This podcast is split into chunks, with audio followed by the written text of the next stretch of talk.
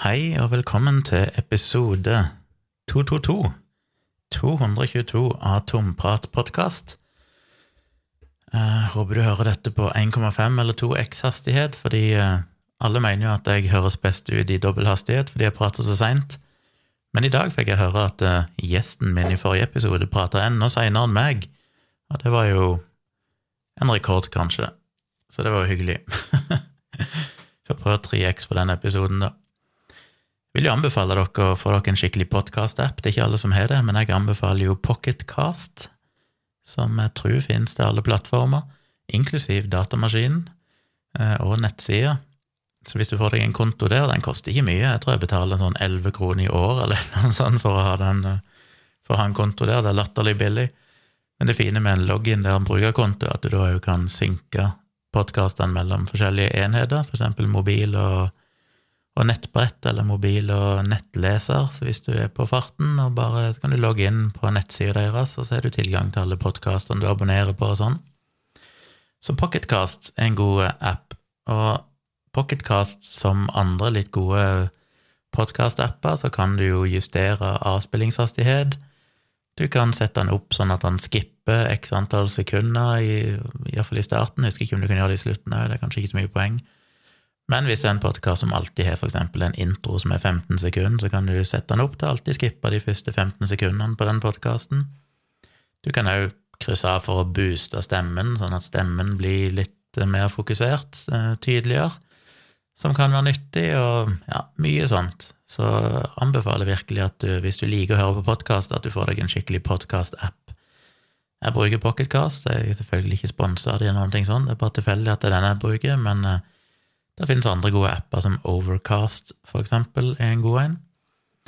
Kommer ikke på andre i farten, men det er iallfall de to som er utbredt. Så det er litt begrensa hvis du bare bruker Apple Podcast eller jeg vet ikke hva Google Podcast er. de en egen podkast-app ennå på Android? Det er Google sin egen, de hadde iallfall en gang i tida. Aner ikke hvordan den er, for jeg bruker iPhone sjøl, men, men, mange av de der standardappene er litt sånn begrensa. Du kan høre podkasten, ikke så mye mer. Så om det er verdt å investere, alt opp si, ti kroner i år, eller hva det er, i å få deg en eh, Eller noen kroner i måneden, for den saks skyld, for å få deg en skikkelig podkast-app, hvis det koster penger. Eh, jeg tror Pocketcast kan brukes gratis òg, det er bare du får ikke den synkinga, blant annet. Eh, hvis ikke du trenger den, så tror jeg muligens du har tilgang til all funksjonalitet ellers, men det får du sjekke ut. Nei, husker jeg ikke helt. Jeg har vært kunde av Pocketcast i fryktelig mange år, så jeg vet ikke hvordan det var å ikke ha abonnement der. Jeg hadde jo en episode i forrige uke der jeg hadde en gjest, faktisk. Min eh, første gjest sånn i tradisjonell forstand i denne podkasten. Og det var jo hyggelig. Jeg har jo planer om å ha flere gjester. Jeg skal snakke litt om responsen på denne episoden, og litt om mine egne tanker, så følg med for å få med dere det. Jeg skal òg pløye gjennom litt flere sånne oversikter over norske politiske partiers holdninger eller partiprogram, eller politikk er kanskje det rette ordet, til forskjellige ting. I dag skal jeg snakke om, og det blir litt, litt kortere og ikke så dyptpløyende som jeg har gjort tidligere, for det er mange, men jeg skal snakke litt om eh, partienes politikk når det gjelder sex, når det gjelder folkehelse, når det gjelder flyktningpolitikk, når det gjelder mental helse, og når det gjelder ruspolitikk. Alle de tingene tror jeg eh, folk som hører på denne podkasten, bryr seg mye om. Kanskje det er noen av de tingene dere vektlegger aller mest. Så ja, jeg kommer til å gå kjapt igjennom dem, og så lenker jeg jo til alle disse, så dere kan lese litt mer i, i dybden sjøl, som dere absolutt bør gjøre, og ikke bare høre på hva jeg har å si her, for det kan være jeg ikke gir riktig inntrykk nødvendigvis, ut ifra det jeg plukker ut. Så det er det jeg skal ta i dag. Men før jeg gjør noen ting av det, så må jeg bare gi en liten eh, livsoppdatering i dag kom jeg eh, for ganske kort tid siden tilbake igjen ifra Kristiansand. Meg og Tone, min samboer, vi hadde visning av denne boligen som vi bor i her i Oslo, i går, altså søndag 22. Eh, august, blir vel det. Og da måtte vi ut av leiligheten, så vi brukte jo litt av lørdagen på å flytte ut. Vi hadde jo stort sett flytta ut det meste, som jeg har sagt tidligere, av boligfotografering og sånn, men det var noen småting som gjensto.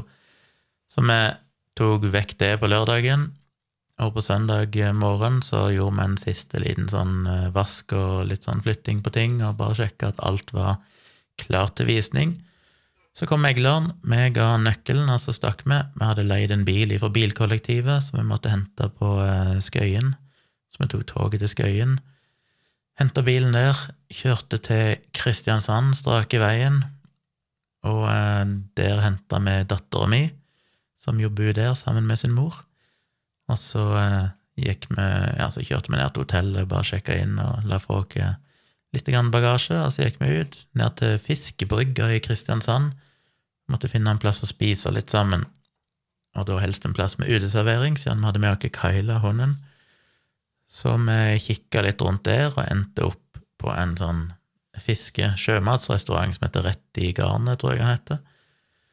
Og der fikk vi sitte ute. Det er jo alltid vanskelig for oss å velge en plass å spise, fordi Tone er veganer, min datter har cøliaki.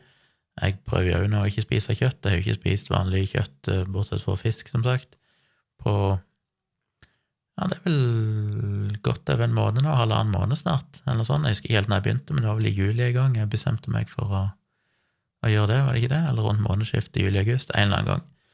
Og det har jeg holdt.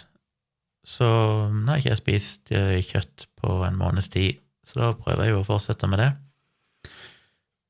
Så vi kikker litt rundt, og så er det alltid litt uklart ut ifra menyen, spesielt dette med om de kan gi, levere glutenfri, alternativer. Men det var det denne Rettigarnet kunne produsere en burger med glutenfritt brød, som var det min datter hadde lyst på av alt som var på menyen. Så det gikk vi der. Så hun fikk seg altså en burger med glutenfritt eh, burgerbrød. Tone hadde en falafelsalat. Og jeg tenkte jeg skulle slå til med en, en god fiskemiddag.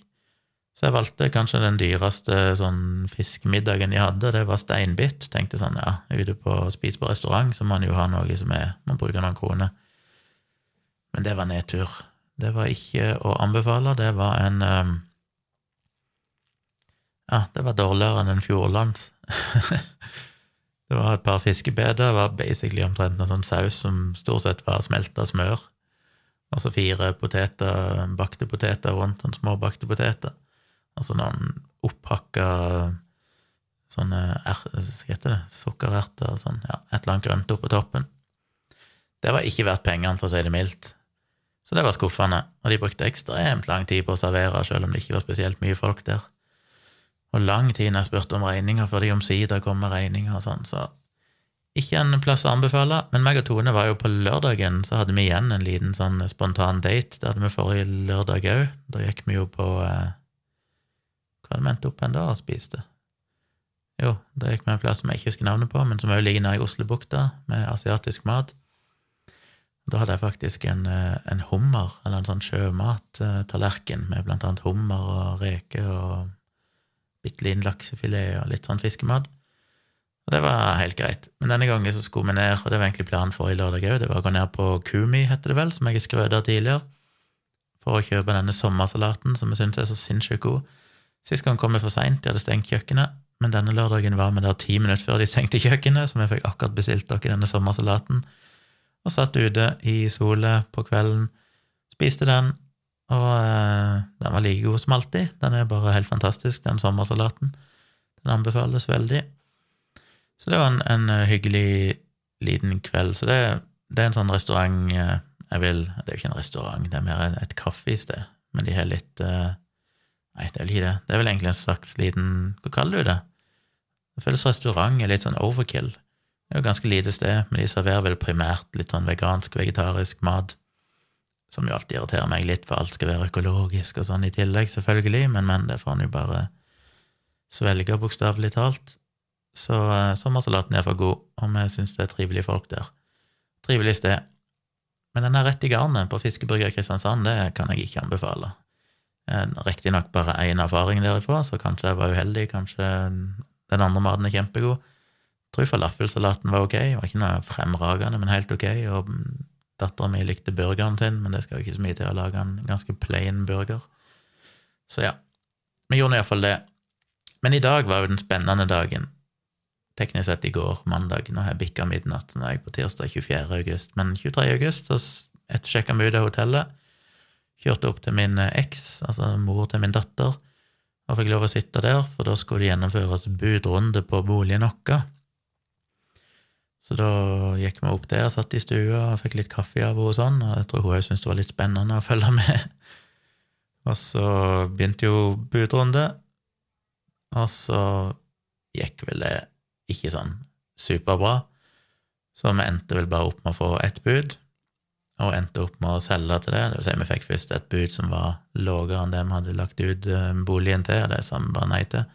Men så fikk vi et høyere bud ifra den samme kjøperen, og det viser seg at det var egentlig ingen andre, det hadde vært flere på visning, men det var litt sånn ymse omstendigheter som gjorde at de endte opp med å ikke ville Hun ene, for eksempel, måtte først få solgt en egen bolig før hun hadde råd til å kjøpe ny, og et eller annet, bla, bla, bla. Så hun endte opp ja, Det var mye fram og tilbake, men det var egentlig bare én som endte opp med å gi bud. Og samme var det jo egentlig når vi kjøpte denne boligen. Eh, da vi var her, så var den jo splitta ny. Det var en helt ny bolig som ble ferdig i mai 2019. Eh, totalt eh, Det har ikke vært noen leilighet her før, det er jo ei blokk i et borettslag, men akkurat dette var sånn fellesareal eller noe sånt, men så, så pusset de den opp og gjorde om til en leilighet. Så den var splitter ny. De hadde vel hatt en visning og fått noen bud, men de var, ingen av de var Alle budene var unna det de hadde lagt den ut til. Så derfor lå han jo fortsatt der, og da vi kom en måned, ja, nesten to måneder seinere, så var han fortsatt ikke solgt. Så vi endte jo opp med å by det han var lagt ut til, og fikk han. så og vi var jo sånn shit, hvorfor har ikke denne boligen fått flere bud? Jo, vi har bodd her i to år nå syns jo fortsatt det er en helt fantastisk bolig. Splitter ny, alt er jo bare helt tipp topp her. Eh, området er jo utrolig grønt og rolig og fint, det er rett ved toget, kort vei inn til byen. Gudene vet hva det er med dette området. Denne boligen burde jo gått for mye, mye mer. Han ble jo verdivurdert til en høyere pris enn det vi endte opp med å få solgt den til. Og vi hadde jo, meglerne òg hadde jo regna med å få høyere enn det han var lagt ut til. Men det gjorde vi ikke, så gudene vet hvorfor dette området Det har jo historisk sett vært et litt belasta område, men det begynner å bli en god stund siden nå. Så ja, ja, synd for folk som ikke, som ikke tør ta sjansen. Vi fikk iallfall solgt den til det vi hadde satt, eh, lagt den ut for, og det vi liksom bare det laveste vi ville gå, og hadde regna ut vår egen økonomi ut ifra sånn worst case scenario, der vi fikk det vi nå endte opp med å få. Så vi er jo fornøyd eh, i den forstand at vi iallfall fikk solgt den, og fikk en pris som vi kan være fornøyd med, eh, men samtidig litt skuffa, selvfølgelig, over at ikke vi fikk mer enn det vi gjorde, men det er en vel ofte. Og litt overraska over at det er så dårlig marked her oppe, for det henger ikke på greip. Jeg ser ikke vekk ifra at de som kjøper den, kommer til å kunne tjene en del på å selge den, for jeg vil jo tro dette området her vil etter hvert bli mer populært. Det er jo blitt bygd ut mye her, Pusse opp, shine opp, eh, fantastiske parker. Ja, det er blitt investert mye i dette området, så det tar kanskje bare litt tid å snu folk sine holdninger. Men anyway.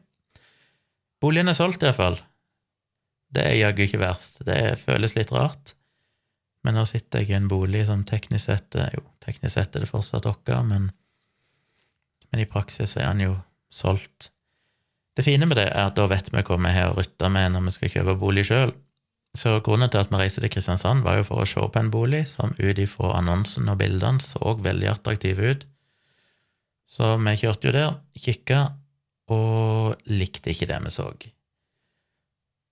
Det var jo litt vanskelig å svelge, for nå har vi gått i ei ukes tid eller noe sånt, og omtrent flytta inn i boligen mentalt, selv om vi vet at det må vi ikke gjøre. Så er det vanskelig å unngå det, for du begynner liksom å drømme og tenke 'Å, der skal jeg gjøre sånn og sånn'.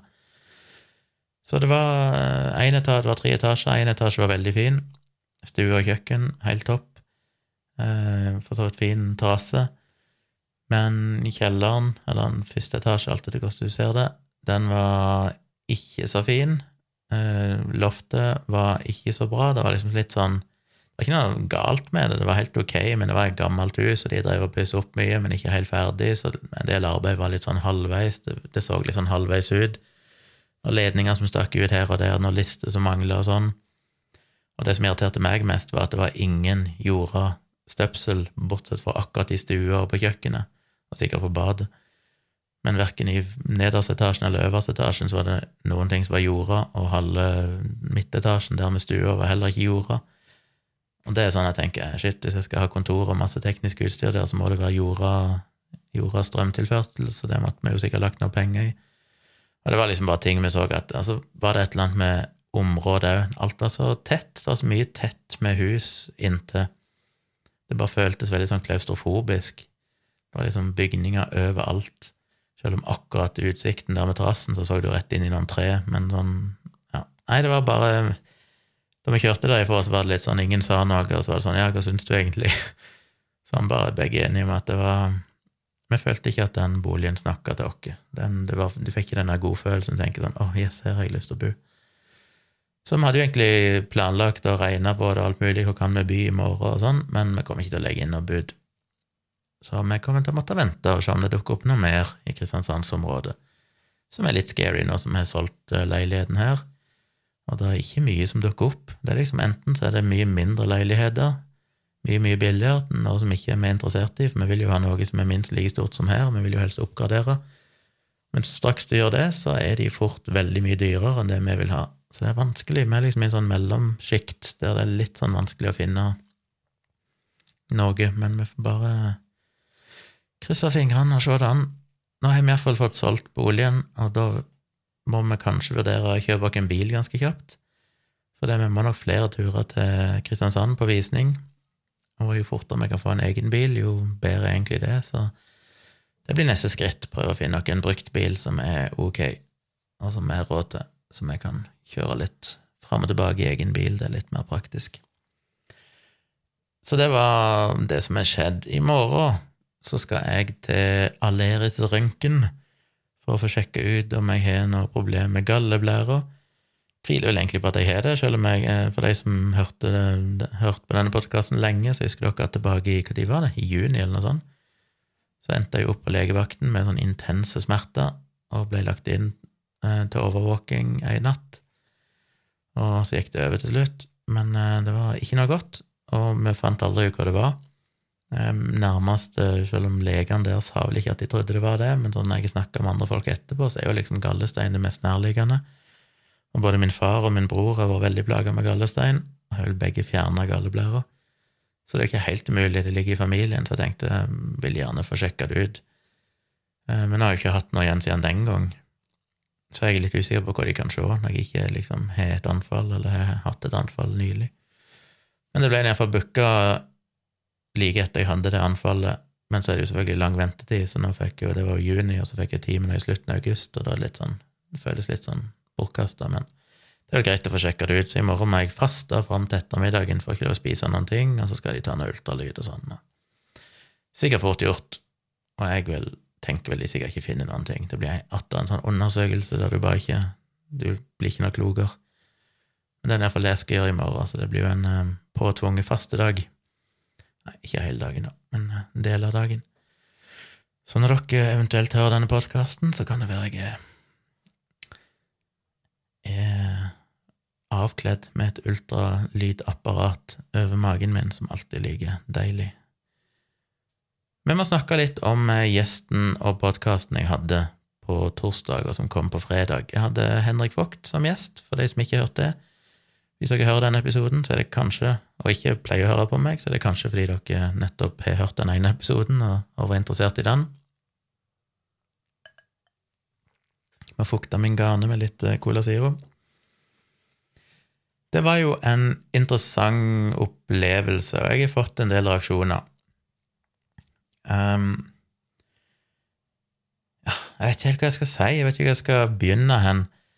Uh, jeg har ikke lyst til å Jeg er takknemlig for at Henrik ble med. Jeg er litt usikker på om jeg ble så mye klokere. Jeg fikk vel på mange måter bekrefta en del av det jeg trodde. Eh, litt skuffende. Eh, men det var jo flere ting å komme inn på. Jeg prøvde jo å starte samtalen, eller intervju, eller hva du skal kalle det, med å få han til å klarlegge noen, noen av sine oppfatninger om ting. Hva mener han ME er? Hva mener han um, Lightning Process er? Litt sånne ting. Hva er Recovery Norge?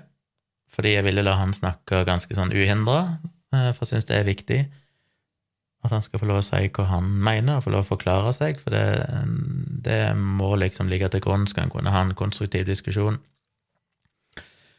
Så ser jeg jo at en del av hans sine De som er på hans Facebook-side og sånn, jeg bare var inne og så, for noen tipsa meg om at han hadde lagt ut, og jeg fikk litt kritikk der. Eh, der går det jo stort sett i at det er noen som mener at jeg er ikke noen skeptiker, jeg er en aktivist, så de stoler ikke på meg. Og da blir jeg litt sånn Ja. Jeg, jeg syns det er trist, fordi det virker og, her er begge sidene av debatten like skyldige, tror jeg. Det virker fort som at hvis du har en mening om eh, ME eller Lightning Process, så er du nødt til å være på den ene eller den andre sida. Jeg mener jo at jeg ikke er det. Jeg prøver jo bare virkelig å forstå dette. Jeg har vært veldig kritisk til Lightning Process lenge, fordi jeg er kritisk til alternativ behandling, og jeg har ennå ikke sett noe god evidens som tyder på at Lightning Process er noe annet enn alternativ behandling. Eh, som vel òg Henrik Vogt innrømte, at evidensen Det fantes bitte grann evidens, men den var ikke så mye å skryte av. Eh, selv om han la jo veldig vekt på disse anekdotene, som jeg skal komme litt tilbake til. Så, har jeg vært kritisk til ME-debatten på begge sidene, både de som avfeier det som rent psykologisk, for det mener jeg vi ikke vet noe om, men òg kritisk til de som mener at dette definitivt er dokumentert sånn og sånn, for det viser studiene, for der er òg forskningen grumsete og, og utydelig. Så litt av mitt ståsted er jo at vi vet ikke.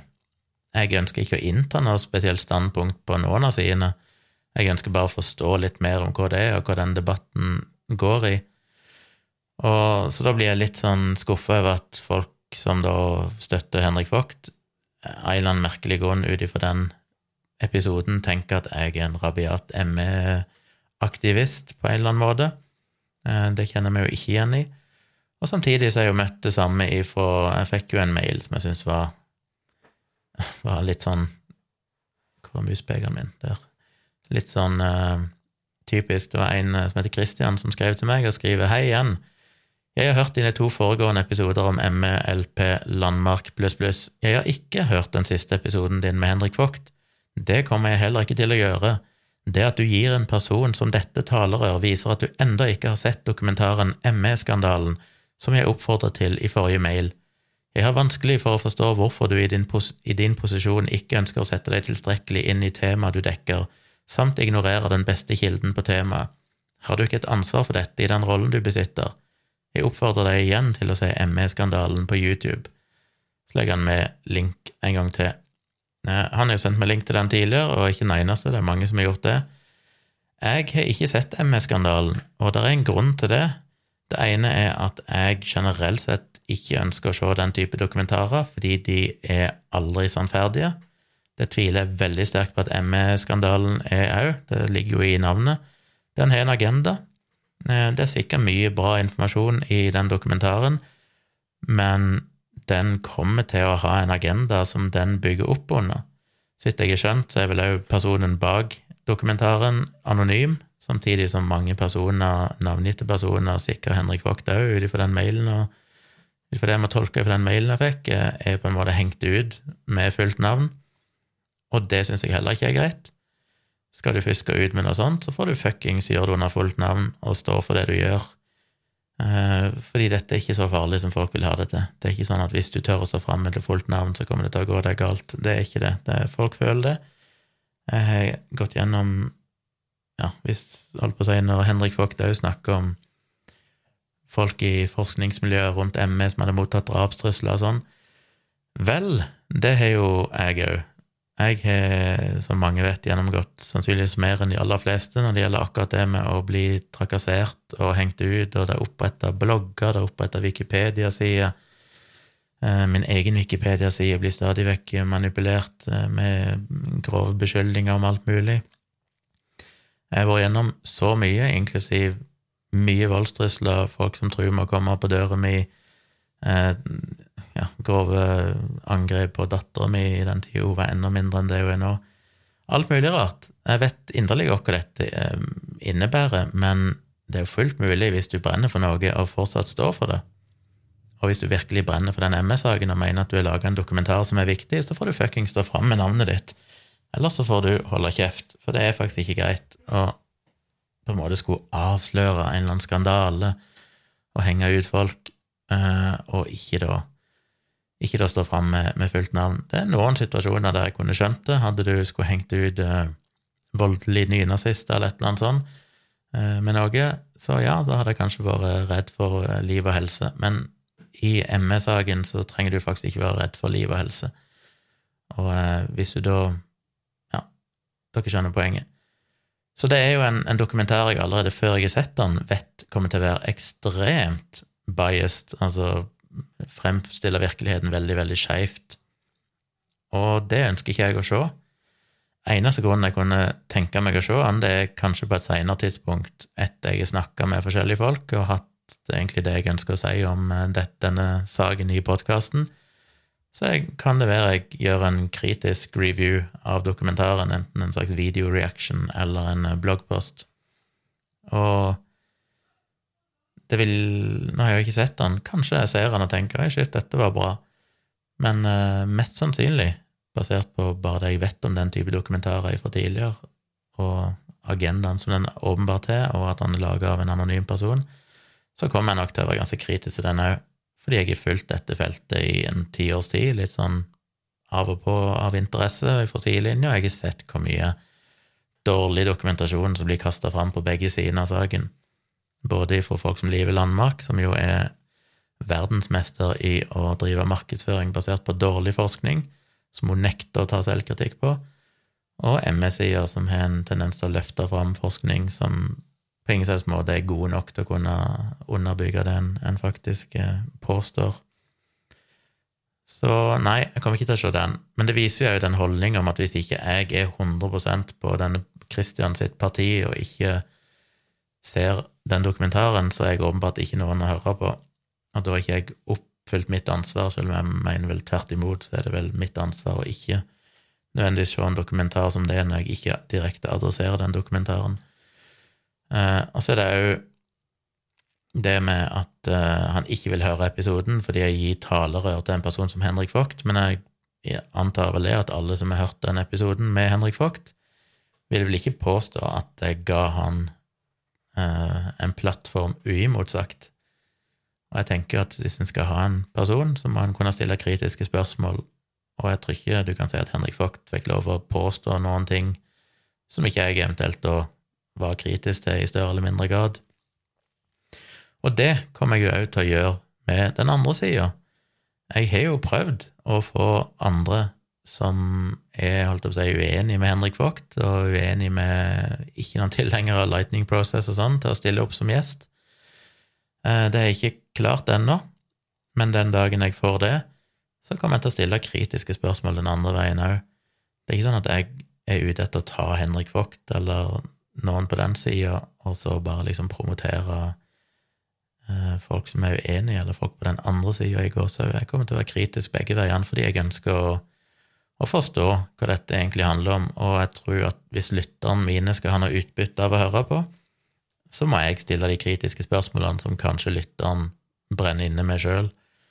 Og det handler ikke om at jeg har tatt et parti på en eller annen side, jeg ønsker å sitte litt i midten. og Jeg blir jo på en måte litt glad når jeg får kritikk fra begge sider, når jeg ser både de som er Facebook-venner med, med Henrik Vogt, og jeg kommenterte under hans deling av podkasten min, er sinte på meg, og jeg får mail fra folk som er, jeg holdt på å si, gåsehud på den andre sida, da, som blir sinte på meg. Da føler jeg jo på en måte at jeg lykkes litt, for jeg ønsker jo ikke å være på noen side. Jeg har jo selvfølgelig mine meninger, og jeg jeg har jo tanker om hvor jeg per nå føler jeg er mest eh, overbevisende argumenter eller data, men det betyr ikke at jeg ikke kan være kritisk til, til begge sidene. Og det er jo en sånn mekanisme i meg som alltid er litt slitsom, det er det at hvis jeg blir hylla av ei side, altså en sak, så syns jeg det er ubehagelig.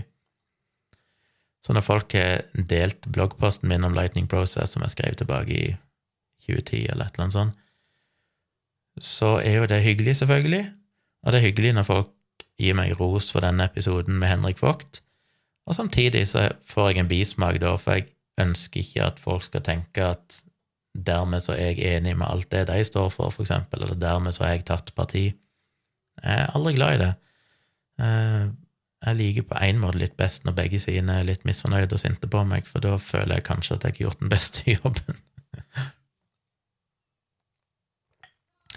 Så jeg har jo fått uh, kritikk fra begge sider. Jeg fikk jo Skal vi se hva andre mailer jeg har fått. Jeg har fått uh, mailer som støtter meg.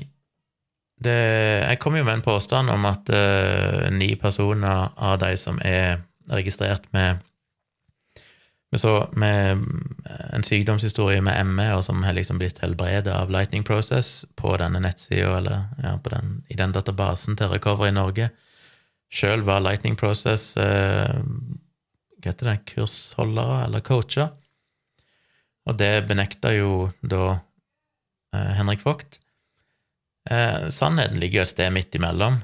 Der er, ifølge det jeg har gått gjennom, så er fem stykk Lightning Process-coacher.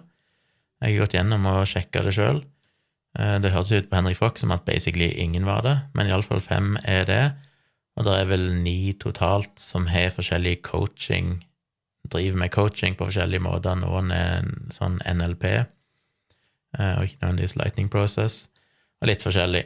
Men iallfall fem er specific Lightning Process, og så er det fire andre som driver med annen type coaching. Så kan du diskutere om det da er relevant, men men iallfall fem av de historiene, så rundt 10 litt i overkant av 10% av de som er registrert der, driver jo sjøl med Lightning Process. I tillegg så var det jo denne kronikken som eh, de kom i Aftenposten like etter at dette Recovery i Norge var lansert. Der vel òg var det 13 eller noe sånt av de som signerte denne sammen med Henrik Vogt og en del andre, var jo sjøl Lightning Process-instruktører. Eh, eh, så det er klart at de lurer jo litt på hvor, hvor nøytrale de er akkurat der, da, når det er helt åpenbart det er folk som, som sjøl har en egeninteresse i Lightning Process. Um, jeg fikk òg en mail ifra ei som er lege, og hun skrev en ganske lang mail der egentlig bare forklarte at hun hadde vel sett folk som hadde Hun hadde hatt pasienter som hadde blitt bedre av Lightning Process, Uh, hun hadde òg pasienter som hadde blitt Hva var det hun skrev? Hun hadde hatt pasienter som ble Hva var det hun skrev? Anyway, hun hadde iallfall pasienter som hadde blitt bedre lightning process, og så bruker hun mye tid på å forklare meg hvordan dette fungerer i hjernen, alt mulig sånn. Og det, det jeg eh, blir litt sånn oppgitt over, for det er sånn Ja, men dette skjønner jeg jo. Jeg har jo skrevet ei bok som heter Placeboeffekten. Eh, der skriver jeg veldig mye om akkurat dette her blant annet at eh, Ja, jeg har jo snakka mye om dette med at eh, kiropraktikk handler jo mye om dette. Det handler jo i veldig stor grad om, om å avtrene negative tankemønstre hos folk. Folk som er helt låst i ryggen, og så blir de friske etter en kiropraktorbehandling, er ofte fordi at du faktisk avlærer frykten for smerte som har satt seg i hjernen. Og det innrømmer jo flere kiropraktorer sjøl. Jeg følger jo kiropraktorer på Facebook, og de som er mest sånn evidensbaserte av de, er jo, innrømmer jo det at kiropraktikk i veldig stor grad handler om psykologisk eh, manipulasjon mer enn manipulasjon av muskler og ledd.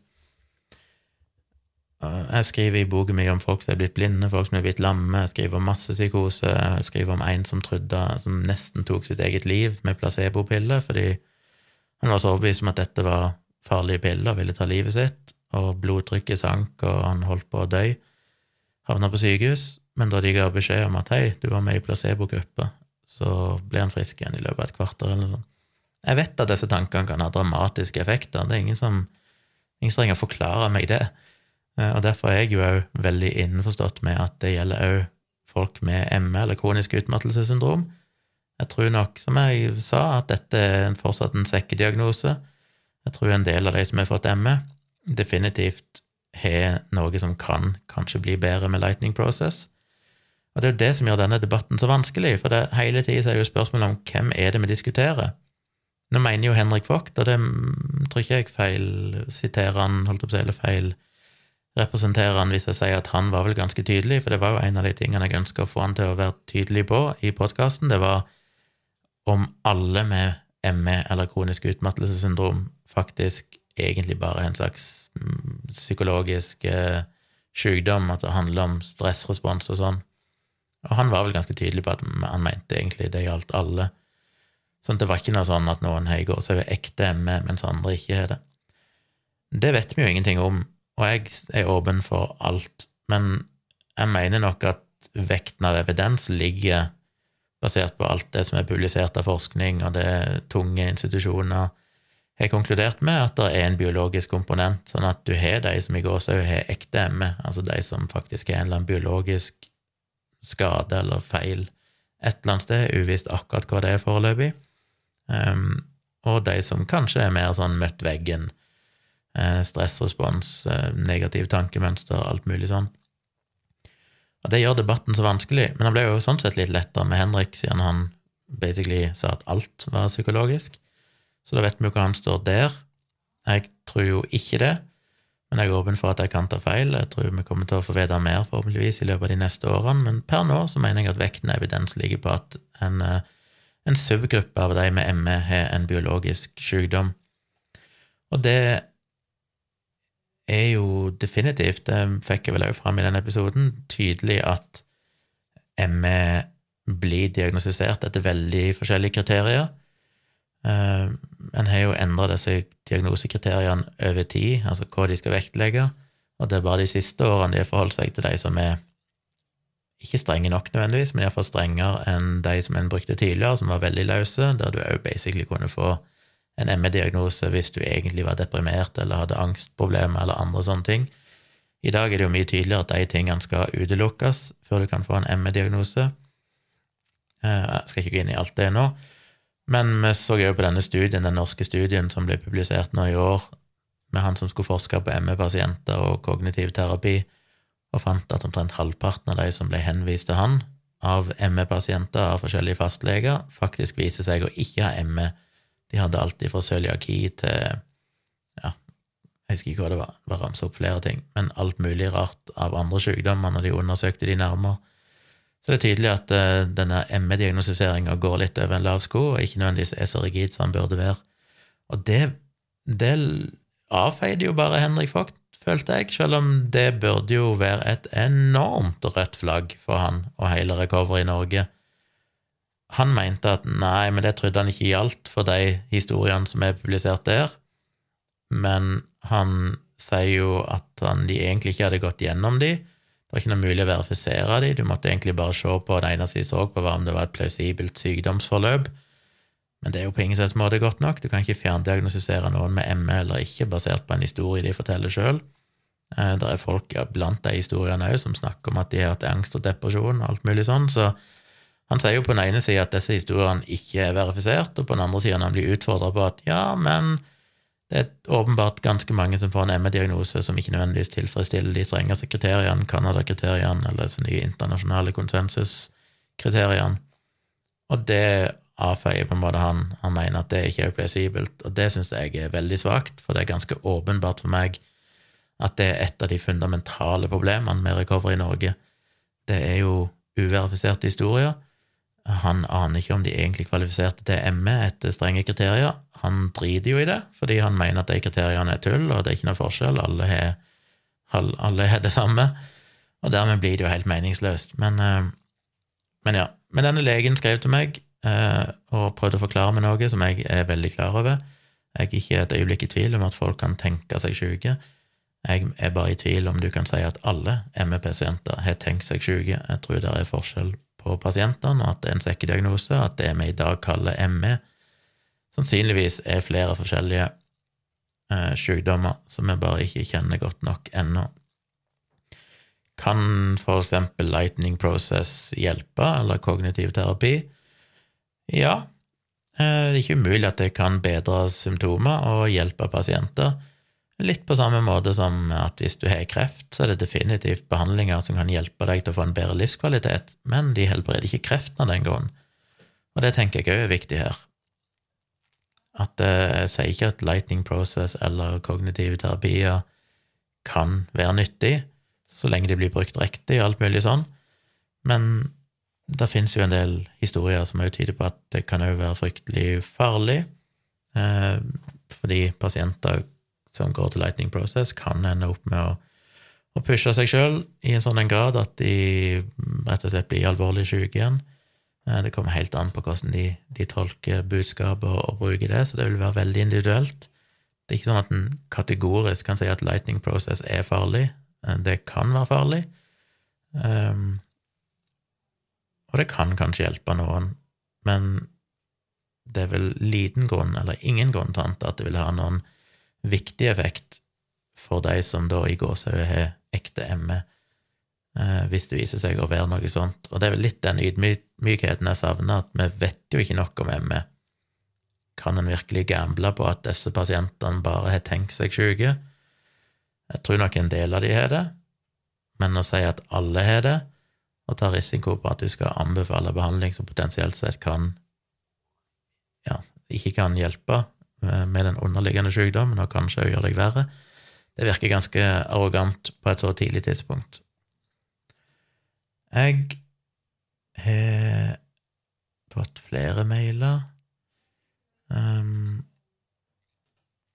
jeg fikk jo én mail ifra uh, ei som Eller sendte meg to mailer. Først én mail der hun var både takka for podkasten, men òg var kritisk, for hun skriver Eh, ja, først takk og sånn, og så skriver hun ble dog skuffet over at du foreslo forverringer kunne skyldes negative tanker, spesielt siden jeg har sendt deg mye info om forskning, deriblant studier som viser at pasientene har energisvikt. Men igjen, jeg er ikke overbevist av de studiene. Jeg sier at de er interessante, men som dere vet, jeg er kritisk til forskning. Eh, merkelig nok så mente jo Henrik Vogt at jeg ikke var kritisk nok.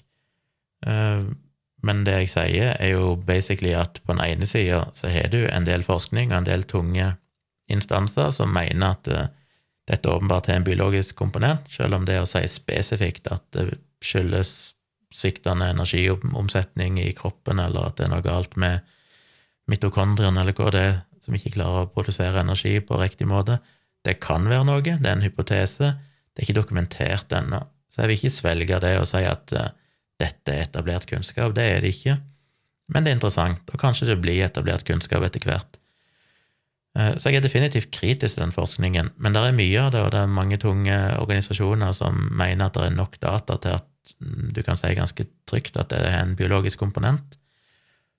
Og Henrik Vogt mener jeg ikke er kritisk nok, samtidig som alt han har på si side, er én en enkelt studie på Lightning Process, som har blitt bestridt og anbefalt trukket, og en rekke anekdoter. Og det syns jeg var veldig, veldig rart. Og da kom jeg til noe som er jeg først bare til den maileffekten, hun som ble skuffa over at jeg foreslo at forverringer kunne skyldes negative tanker. Eh, igjen så kommer det an på hvem du diskuterer, for jo, det kan definitivt skyldes negative tanker. Problemet igjen, da, som jeg nettopp sa, at det trenger ikke være årsaken til at enkelte har ME, fordi jeg tror dette er en sekkediagnose. Jeg har bare sagt at noen, inklusiv hvis du hører på dette og har fått en ME-diagnose, så kan ikke jeg gå god for at du ikke er sjuk på grunn av at det egentlig handler om en stressrespons eller negative tanker. Eh, det blir litt som med placeboeffekten når folk sier at ja, men det virka på meg, det var ikke placebo, det vet jeg. Nei, men det vet du jo ikke. Det er hele poenget. Du kan ikke skille placeboeffekten fra en en reell effekt. Eh, hvis vi hadde kunnet gjort det, basert på folks egen vurdering, så hadde vi ikke trengt kontrollerte studier.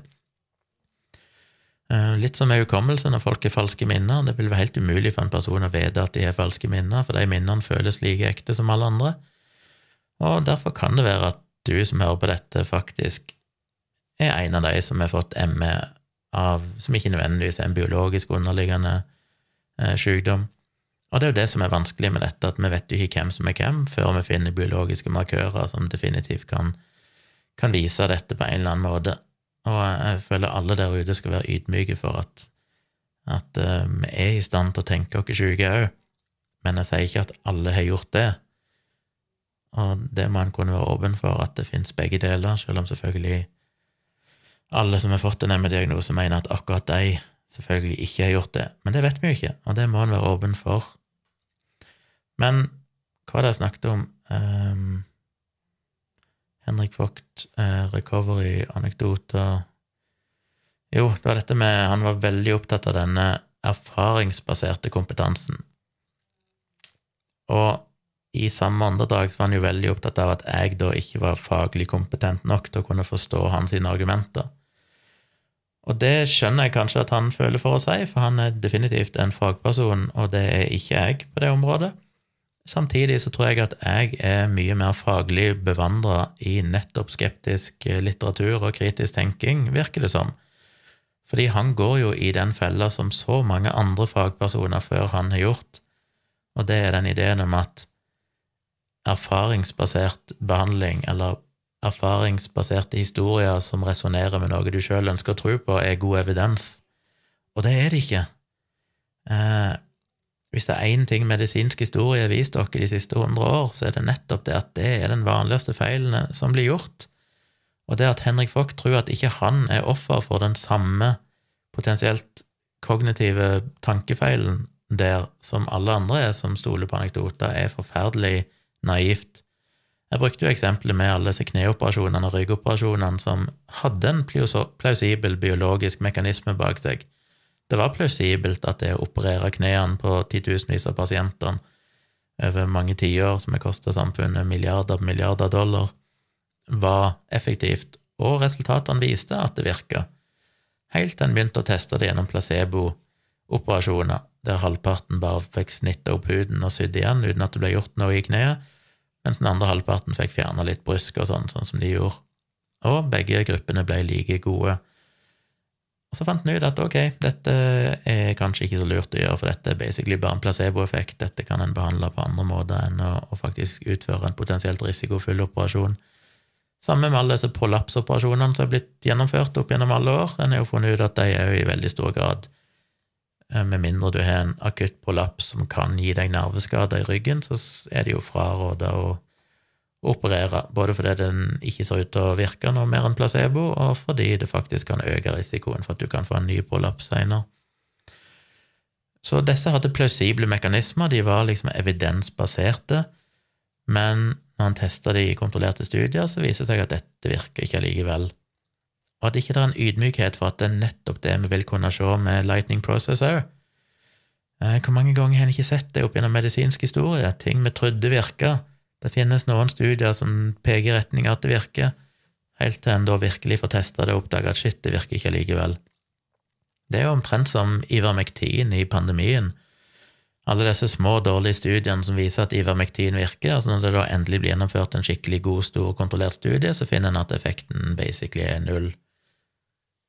Og allikevel så finnes det jo sikkert tusenvis av fagpersoner rundt om i verden som sverger på at de har sett at Ivermektin har virka for akkurat deres pasienter. Og jeg liker jo da å sitere den amerikanske legen, tror jeg han er amerikansk, Mark Crislip, som jeg også siterer i boka Placebo-defekten, som sier at the most dangerous thing in medicine is when a doctor says according to my experience. Fordi leger er ikke noe flinkere nødvendigvis enn andre til å la seg lure av sine egne erfaringer, sine egne anekdoter. Og det er skuffende at Henrik Vogt og en del andre leger jeg ser, går i den fellen. Når han sier at uh, fagpersoner i Norge mener at disse Lightning Process-historiene må kunne telles med evidens, så blir jeg veldig skuffa. Det er å gjøre de samme feilene som er gjort så mange ganger. Ja, det er interessant som hypotesedannende eh, materiale eller data, og så må det forskes på. Men det å gå ut og anbefale en sånn behandling basert på så svak evidens er helt sjokkerende, skremmende, naivt og historieløst. Og så kommer jeg jo til et punkt som er viktig her, og det er at selv om jeg hadde vært 100% enig med Henrik Vogt, selv om jeg hadde syntes Lightning Process sikkert virka fantastisk, og at ME bare var eh, psykologisk og alt dette her, så ville jeg fortsatt vært akkurat like kritisk til Recovery Norge. For kritikken min av Recovery Norge handler ikke om hva jeg måtte tro på av Lightning Process eller ME eller kronisk utmattelsessyndrom. Det handler utelukkende om at dette er dårlig evidens, og det er forferdelig manipulerende å bruke anekdoter på den måten. Anekdoter fra noen veldig få personer sannsynligvis under 1% langt under 1% av de som er blitt behandla med Lightning Process. Eh, totalt selvselektert, der en bare får de positive historiene. eh, Folk kan ha de beste intensjonene, og det har han helt sikkert. Jeg tviler ikke et øyeblikk på at han ønsker å gjøre godt og gjøre nytte, og jeg tror at dette er viktig, men hvis en har satt seg mer inn i den i kritisk tenking og historien med, med hvordan vi har lurt dere sjøl opp gjennom medisinsk historie, så er det ikke fornuftig å gjøre. Om jeg hadde vært, hatt brennende tro på Lightning Process, ville jeg fortsatt ha meint at dette er ikke måten å gjøre det på, før evidensen er god nok. Og det tror jeg er veldig, veldig sentralt i dette, at min kritikk av recovery i Norge handler ikke om mitt, mitt forhold til Lightning Process. Jeg har sjøl meninger om ting som jeg mener det er, er gode anekdoter, ting som jeg mener dette tror jeg veldig sterkt på, men så lenge det ikke finnes god nok forskning på det, så er jeg ydmyk nok til å skjønne at dette kan ikke jeg gå ut og, og anbefale eller promotere, fordi jeg så inderlig godt kan ta feil, og det må jeg være ydmyk nok for. Og det er da jeg blir skuffa når jeg ser at støttespilleren til Henrik Vogt mener at jeg ikke er en, en skeptiker, jeg er en aktivist. Jeg mener jo tvert imot. Jeg prøver virkelig å være skeptisk, og nettopp derfor er jeg kritisk til recovery i Norge. Derfor er jeg kritisk til mye av forskningen som ME eh, sida av saken legger fram og skal overbevise meg med. Derfor er jeg kritisk til begge sidene. Mens Henrik Vogt, han aksepterer en dårlig eh, RCT, han aksepterer anekdoter og mener det basically er godt nok til å slå fast at ME er en psykologisk sykdom, og at Lightning Process kan hjelpe mange. Ikke nødvendigvis alle, men mange.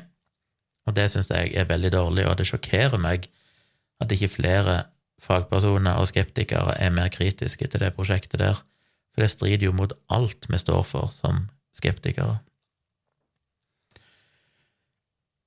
Så til hun som dette med mail, jo, jeg, ja, det har jeg egentlig svar på. Jeg skjønner at uh, hos noen så tror jeg virkelig sykdommen kan skyldes negative tanker. Um, og jeg innser at det er mye interessante studier, men det er ikke nok foreløpig til å kunne slå fast noen ting som helst.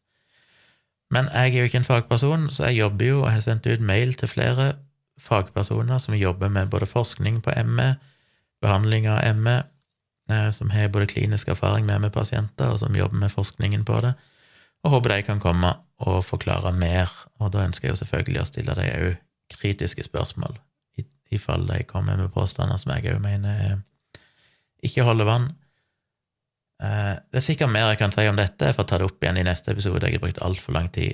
Men igjen, hvis dere har tanker om dette, fortsett å sende meg mail på tompratpodkast.gmail.com, og så, eh, så skal jeg eh, følge opp det videre hvis jeg har vært uklar på noe. Hvis dere har spørsmål, hvis dere har informasjon jeg burde lese, Send meg gjerne informasjon på tompratpodkast.gmail.com, så skal jeg følge opp det i neste episode, som kommer på, nei, på fredag.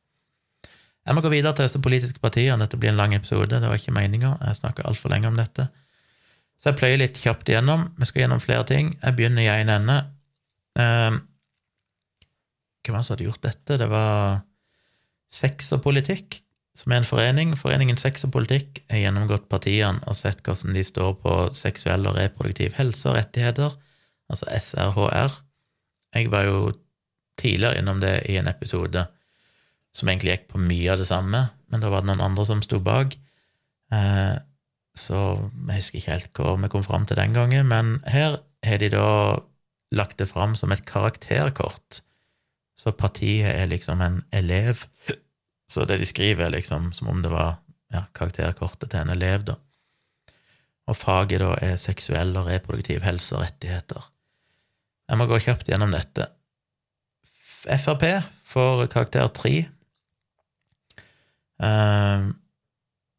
de er positive De pluss er at de mener at SRHR skal være en prioritet i bistandspolitikken. De har en god tilnærming til eldres seksuelle helse og et stort fokus på seksuelle overgrep og skadelige skikker. Når det gjelder Frp, så er jo det selvfølgelig, som vi snakket om i den tidligere episoden, veldig knyttet opp til nettopp innvandring. De liker jo alt som De bryr seg veldig om, eh, om kvinnesak og eh, seksualitet så fort de kan knytte det til noe negativt hos innvandrere. Utover det så er de ofte ikke så interessert i det. Um, på mine sider så har de ikke tatt standpunkt til endring av abortloven, de har ikke inkludert en helhetlig seksual, seksualitetsundervisning i partiprogrammet, og ikke for seksualitetsundervisning i barnehagen. De er negative til at barn kan ha flere enn to juridiske foreldre, og de er negative til et tredje juridisk kjønn. Høyre får karakteren fire minus. På plussida understreker de viktigheten av god seksualitetsundervisning i skole og barnehage.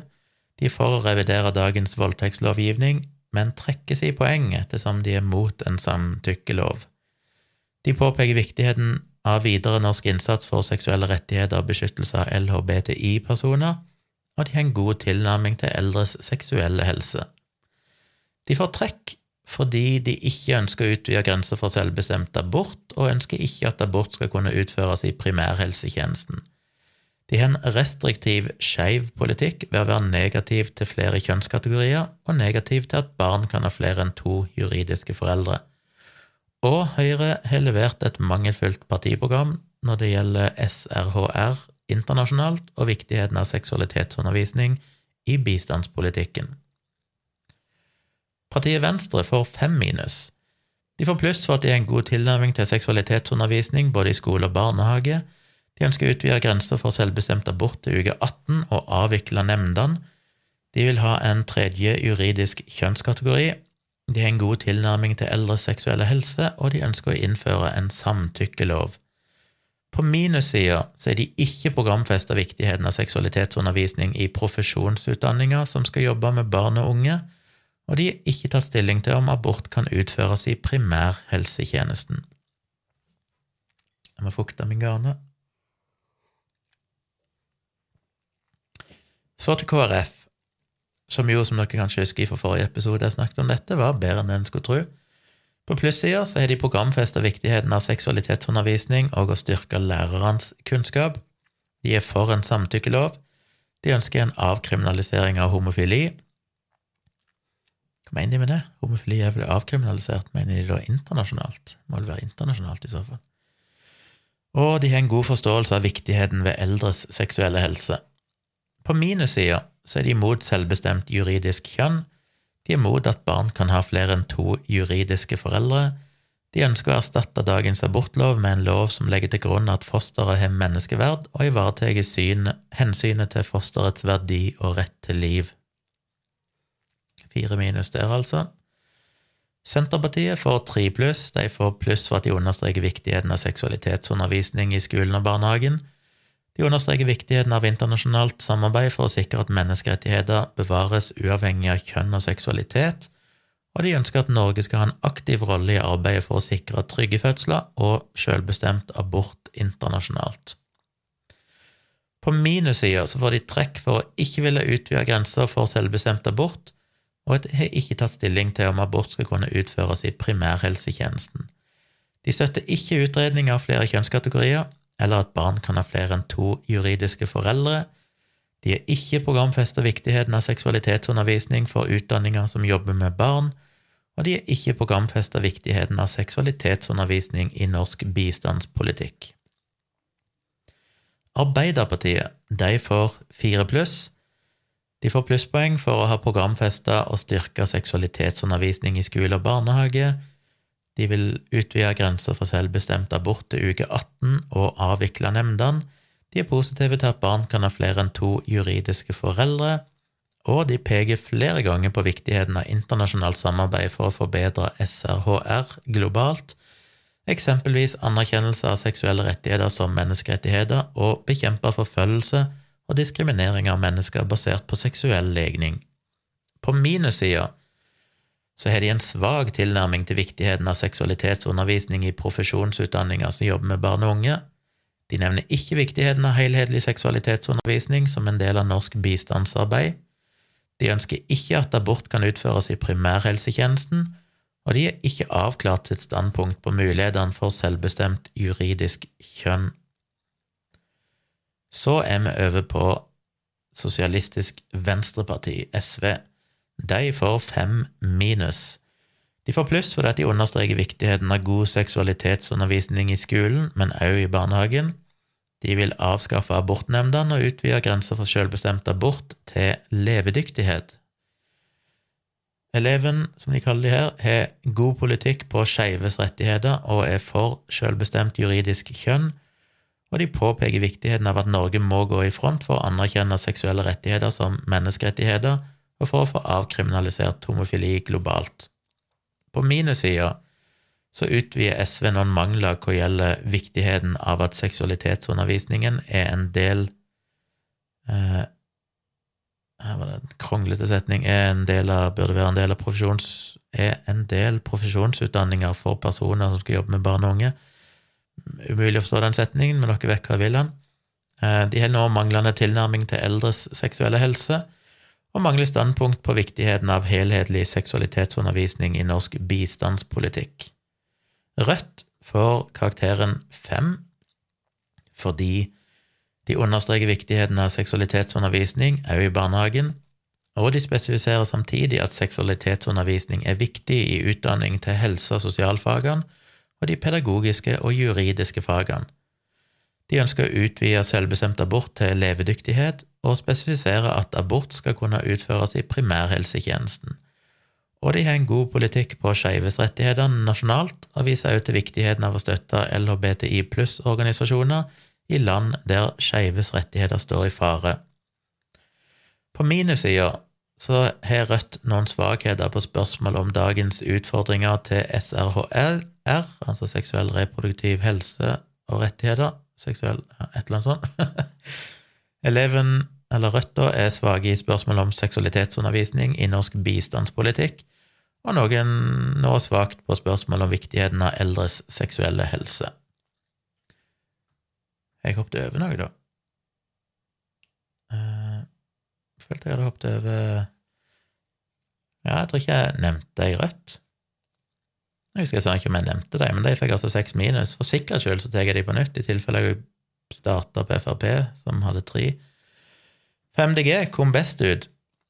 Og de får pluss for at eh, de understreker viktigheten av god seksualitetsundervisning i skole og barnehage, og presiserer at seksualitetsundervisning må være en del av utdanningsbistanden.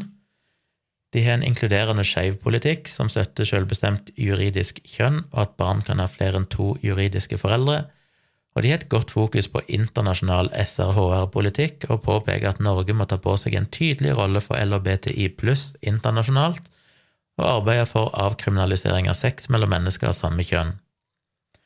På minussida så får de trekk for at de, har, at de ikke har tatt stilling til om abort burde kunne gjennomføres i primærhelsetjenesten, og de ønsker utvidelse av grensen for selvbestemt abort til uke 18, men trekkes litt for å ikke ønske utvidelse av selvbestemt abort fram til levedyktighet. Jeg føler vel, eh, ja Eh, hva de mener levedyktighet er nå? Er det uke 22? Det? For i den forrige gang jeg gikk gjennom dette, så var det vel noen som ville ha uke 22, men her kaller de det for fram til levedyktighet, så litt sånn. Men iallfall, MDG vant, seks minus, og som nummer to kom vel uh, Rødt med fem, så kommer SV, så kommer Arbeiderpartiet, så kommer KrF Nei, Venstre kom òg der oppe på fem minus. Litt feil rekkefølge.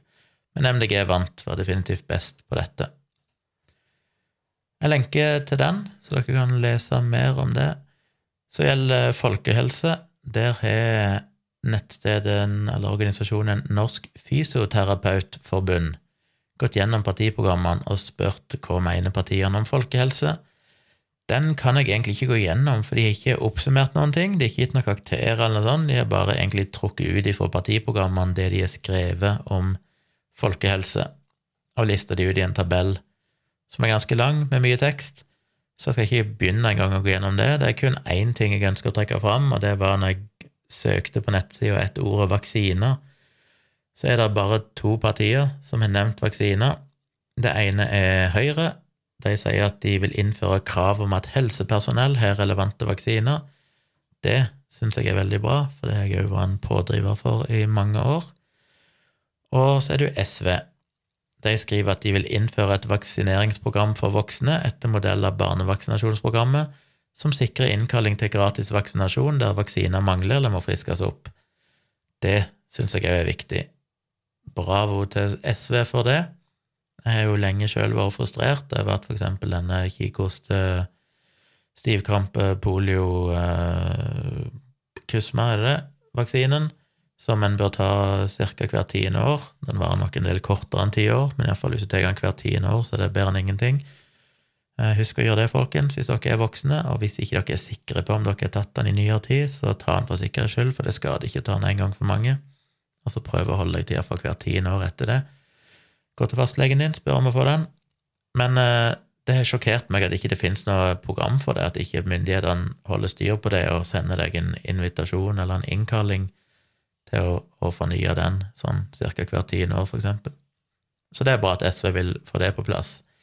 De skriver òg at de vil styrke barnevaksinasjonsprogrammet, gå gjennom systemet for samtykke ved barnevaksinering og styrke rapporteringa, sånn at vi sikrer at flest mulig blir inkludert. Litt usikker på hva akkurat det innebærer i praksis, men det høres jo bra ut. Alt som kan styrke vaksinedekningen, er jo en god ting. Å sikre barn sine rettigheter til å få de vaksinene de burde ha, kanskje på tross av hva foreldre måtte ha for noen forskrudde ideer. Men det var jo veldig overflatisk, det var bare vaksiner. Det er mye mer å ta av her, så eh, jeg lenker til den, så kan dere lese gjennom det sjøl hvis dere ønsker å se hva iallfall de partiene dere kanskje er mest interessert i å stemme på, mener om det. Norsk organisasjon for asylsøkere, eller NOAS, de har gått gjennom eh, flyktningpolitikken til de forskjellige partiene. Igjen så skal jeg ikke gå gjennom det detaljert, det tar for lang tid, men de har fått noen terningkast, og det er jo alltid gøy. Og det korte korte konklusjonen her er Hvem tror dere fikk eh, terningkast én? Du tippa helt riktig, det var Frp, Fremskrittspartiet. Men Arbeiderpartiet deler nest siste plass med Høyre. Både Arbeiderpartiet og Høyre får bare terningkast to. Så jeg ser jo en del folk som er opptatt av flyktningpolitikk og sånn, stemmer på Arbeiderpartiet. Kanskje det er noe de bør revurdere. Igjen så er jo dette selvfølgelig ut ifra NOAS sitt standpunkt. Det er jo ikke sikkert at det er nødvendigvis den riktige den fasiten, så dere kan jo være uenige. Eh, men ut ifra NOAS sitt syn så har Arbeiderpartiet og Høyre en temmelig dårlig flyktningpolitikk. Så kommer Senterpartiet med terningkast tre. Så kommer der eh, et helt hopp opp til terningkast fem, som blir delt av KrF, Rødt og Venstre. Så de har altså en, eh, en veldig bra flyktningpolitikk, ifølge NOAS. Men aller best igjen så er MDG, Miljøpartiet De Grønne, og SV, som begge får terningkast seks. Som jo er òg en av de viktige grunnene til at jeg alltid har stemt på SV tidligere, og nå òg kan stemme på MDG, som jeg har gjort, med god samvittighet, fordi de både er best sannsynligvis på ja, egentlig en delt førsteplass med SV på miljøpolitikk, og en delt førsteplass på òg flyktningpolitikk, og MDG var òg best på ruspolitikk. Så ja. Jeg tror ikke jeg skal begynne å lese engang, det tar for lang tid, annet enn at de har delt opp den oversikten i en liten forklaring først av politikken, og så har de en sånn grønn boks med sånn plussting, og en rød boks med minusting. Det er litt interessant å merke seg at eh, Fremskrittspartiet bare har én ting i den grønne boksen, og det er at de mener at behandlingstida for asylsøknader og bosetting i en kommune må ned. Det er jo en god ting. Eh, jeg tviler vel kanskje litt på om intensjonene er så gode. Det er vel kanskje mest fordi at de vil få kasta de ut igjen av landet så fort som mulig. Men eh, for all del, hvis en kan få ned behandlingstida, så er det godt for alle. Så det er lang liste med, med ting i den røde boksen. Når du kommer til MDG, så har de ingenting i den røde boksen, ingenting å trekke ned på bare pluss. Eh, Rødt har én minusting, og det er at de ikke har vært en aktiv pådriver på asyl- og flyktningfeltet i hele stortingsperioden. Men ellers er det bare grønt. SV har òg bare grønne ting, ingenting å trekke ned. Og Venstre, som fikk terningkast fem, har én rød ting, og det er at de er sikra støtte til en regjering som har gjennomført en strengere asylpolitikk enn noensinne. Det er jo en av grunnene til at jeg heller ikke kunne stemt på Venstre. Det er jo flere grunner, men jeg hadde alltid litt lyst til å stemme på Venstre tidligere, men fordi de har bidratt til en Høyre-Frp-regjering, så er ikke det vært så aktuelt. Men bare for å oppsummere, eller for helt til slutt, så Nei, det sto ikke forklart her hva de legger vekt på. Nei. Så jeg lenker til den. Sjekk ut den hvis dere vil ha mer informasjon.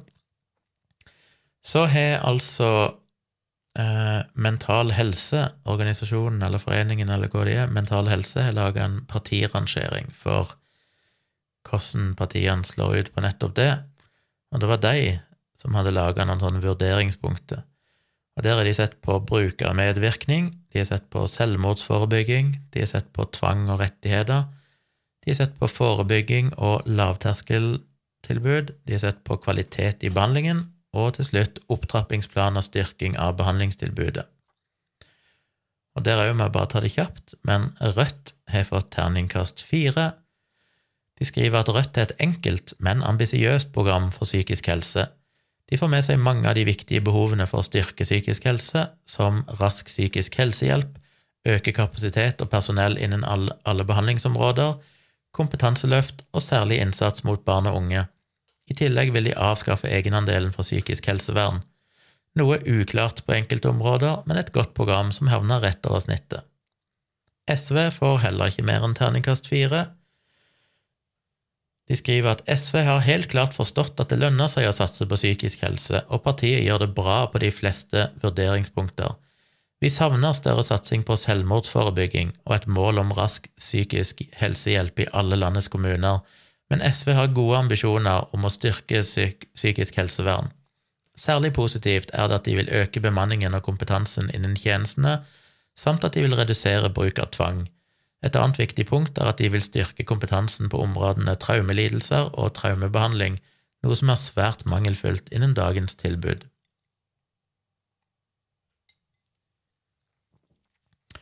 Og på alle disse partiene så skriver de enda mer, men jeg leser bare på en måte oppsummeringa nå. Arbeiderpartiet får terningkast fem. Tror de kom best ut av alle, skal vi se på resten her, men Arbeiderpartiets partiprogram gjør det svært godt i vår gjennomgang, og det får nesten toppkarakter for å tenke helhetlig og satse på viktige områder innen psykisk helse. Partiet ønsker økt brukermedvirkning, og de satser stort på forebygging av psykiske helseplager. Vår bønn om å etablere rask psykisk helsehjelp i hele landet har blitt hørt, og partiet har vist engasjement i å løfte psykisk helsevern. Senterpartiet får terningkast tre. Senterpartiets program har generelt god politikk på psykisk helse, men vi skulle, vi skulle gjerne sett mer konkrete forslag på flere områder, som lavterskeltilbud og hvordan de vil øke kvaliteten i behandlingstjenestene. Vi er noe bekymret for hva partiet legger i riktig bruk av tvang, som står i gåsehudet, og at brukermedvirkning ikke er ivaretatt, men berømmer partiet for å ha gode psykiske helsetjenester som mål i hele landet. Så ble jeg jo litt skuffa over å se at MDG bare fikk terningkast tre. De skriver MDG har en ambisjon om å satse på forebygging innen psykisk helse. De ønsker å jobbe for kortere ventetider og at flere får hjelp så raskt sykdomsbyrden og kostnadene holdes lave. Nei, får hjelp raskt så sykdomsbyrden og kostnadene holdes lave. Partiet gjør det godt på flere områder, men vi savner tydeligere og mer konkret politikk på dette området. Ja, jo, det var de som fikk best, ja. Partiet Sentrum, de var de eneste som fikk terningkast seks. Partiet Sentrum stikker av med seieren for den beste og mest gjennomgående politikken innen psykisk helse. Partiet har innen flere områder avsnitt og kapitler dedikert, dedikert til psykisk helse, og det er nettopp dette Mental Helse ser etter – partier som tenker helhetlig, forebyggende og som tør satse på psykisk helse. Vi berømmer partiet for å være tydelig og ambisiøs i sin politikk, og håper at mange av målene partiet setter seg, vil realiseres. KrF får terningkast fire. Partiet har flere gode politiske prioriteringer i sitt partiprogram, men vi savner de store linjene. Blant annet har de lite om brukermedvirkning, tvangsbruk og selvmordsforebygging. For øvrig har de noen positive elementer som å styrke tilbudene, både lavterskel- og helsetilbud, satse på barn og unge, samt satse på Ung Arena, Seniorarena og YAM. YAM. Jeg vet ikke hva det er for noe, men det er vel tydeligvis noe. Um, så var det partiet Venstre som får terningkast tre. Stortingsprogrammet til Venstre har flere gode punkter om psykisk helse som vi støtter fullt ut men partiet er noe tilbakeholden på konkrete tiltak og mål. Vi skulle gjerne sett litt flere konkrete mål om hvordan de vil løfte psykisk helsevern til et akseptabelt nivå. Derimot berømmer vi partiet for å inkludere JAM som et prøveprosjekt i første omgang. JAM, når jeg googler, det er altså et eller annet forebyggende undervisningsprogram for psykisk helse blant barn og unge, tydeligvis. Eh, som et prøveprosjekt i første omgang, men med håp om å gjøre det til et varig tilbud for barn og unge. Partiet har også god politikk innen tvang, og det ønsker å satse sterkt på selvmordsforebygging. Så er vi på partiet Høyre, som fikk terningkast tre, det òg. Generelt er programmet til Høyre nokså skuffende når det gjelder psykisk helse. Det kommer frem lite nytt, og det virker som om de ikke har de store ambisjoner på området, annet enn å styrke enkelte områder og sørge for litt bedre samhandling mellom ulike tjenester. Det er positivt at de ønsker mer oppsøkende tjenester til mennesker med alvorlige psykiske lidelser og rusavhengighet, men vi forventet mer fra Høyre. Så til slutt Fremskrittspartiet, som vel fikk dårligst av alle igjen, som får terningkast to. Frp har et nokså kort avsnitt om psykisk helse i programmet sitt, og det virker å være lite ambisiøst og konkret. Blant annet mangler det punkter om brukermedvirkning og selvmordsforebygging. Det finnes heller ingen konkrete planer om å etablere flere lavterskeltilbud eller for å øke bemanningen i helsetilbudene. Det sies nokså lite om hva som skal satses på. I en tid hvor psykisk helse er så viktig, og hvor vi har store utfordringer innen psykisk helsevern, burde man kunne forvente mer. Så der var det altså sentrum som kom best ut, og Arbeiderpartiet Senter, Partiet Sentrum fikk terningkast seks, og parti, Arbeiderpartiet fikk terningkast fem. Rødt fikk fire, SV fikk fire, Senterpartiet fikk tre, MDG fikk tre, KrF fikk fire, Venstre fikk tre, Høyre fikk tre, og Fremskrittspartiet to. Så til slutt eh, Foreningen Tryggere ruspolitikk, som jo jeg har en egen video om ute på min YouTube-kanal. Et intervju med to av aktørene i Foreningen Tryggere ruspolitikk angående rusreform. Så hvis dere går inn på Tvilsomt med Tjomli på YouTube-kanalen min, så kan dere se min, eh, hvor lenge ble den, litt over en time, tror jeg en prat om rusreform med dem. Så de har jo selvfølgelig en si, agenda, i den forstand at de selvfølgelig er for en rusreform og sånn, så en får jo ta dette for det det er, men ut ifra deres ståsted, ut ifra det de ønsker, så har de gitt MDG terningkast seks som eneste parti. De som får terningkast fem, er Venstre, SV og Rødt. Høyre får terningkast fire, Arbeiderpartiet terningkast tre, KrF og Senterpartiet får terningkast to, og igjen så kommer Frp dårligst ut med terningkast én. Det de har lagt vekt på her, det er for å få toppscore så må du altså ville følge faglige råd om avkriminalisering. Eh, du må etterlyse et bedre LAR-tilbud og styrking av pasientenes rettigheter. LAR det er jo legemiddelassistert eh, rehabilitering, er det ikke det? Jo. Du må støtte heroinbasert behandling. Eh, som parti du, må du ville endre virkemidlene, altså hjelp fremfor straff, risikoreduksjon fremfor moralisering, trygg tilgang fremfor forbud. Du må ville endre suksesskriteriene, altså måle skade fremfor rus, eller begge deler.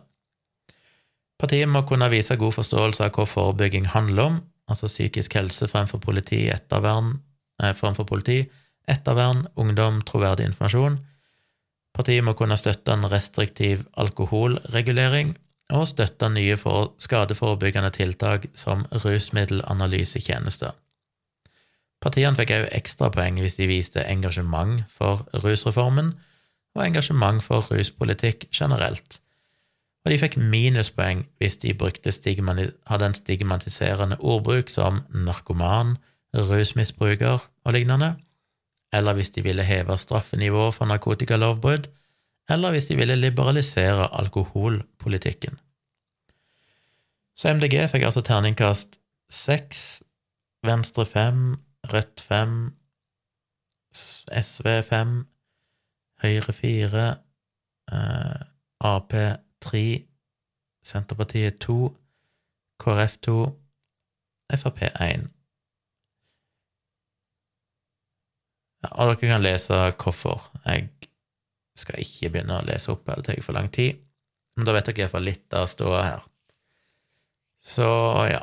da har dere fått en liten oversikt over de òg. Som sagt, jeg lenker alt dette i shownotes, så klikk dere gjerne inn og les mer. Takk til alle som har sendt disse til meg. Jeg har jo bedt om å få sånne. Folk har vært greie og sendt meg på mail og andre plasser.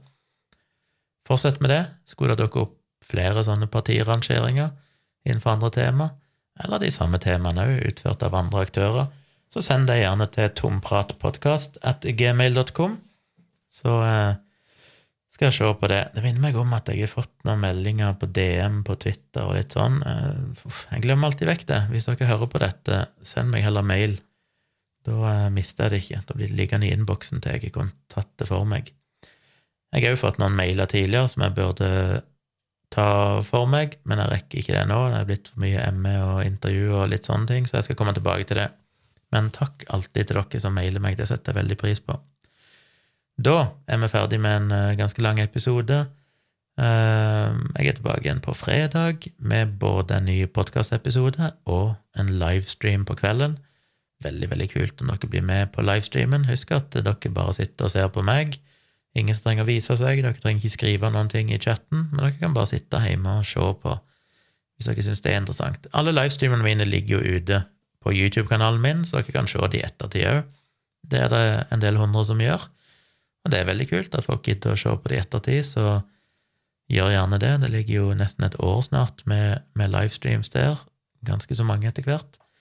Så det kan jo være interessant for noen. Men det er jo ekstra gøy hvis dere ser på live, for da kan dere stille spørsmål og delta i debatten i chatten og sånn. Så klokka elleve fredag så blir det livestream, men det kommer en ny episode tidligere på dagen.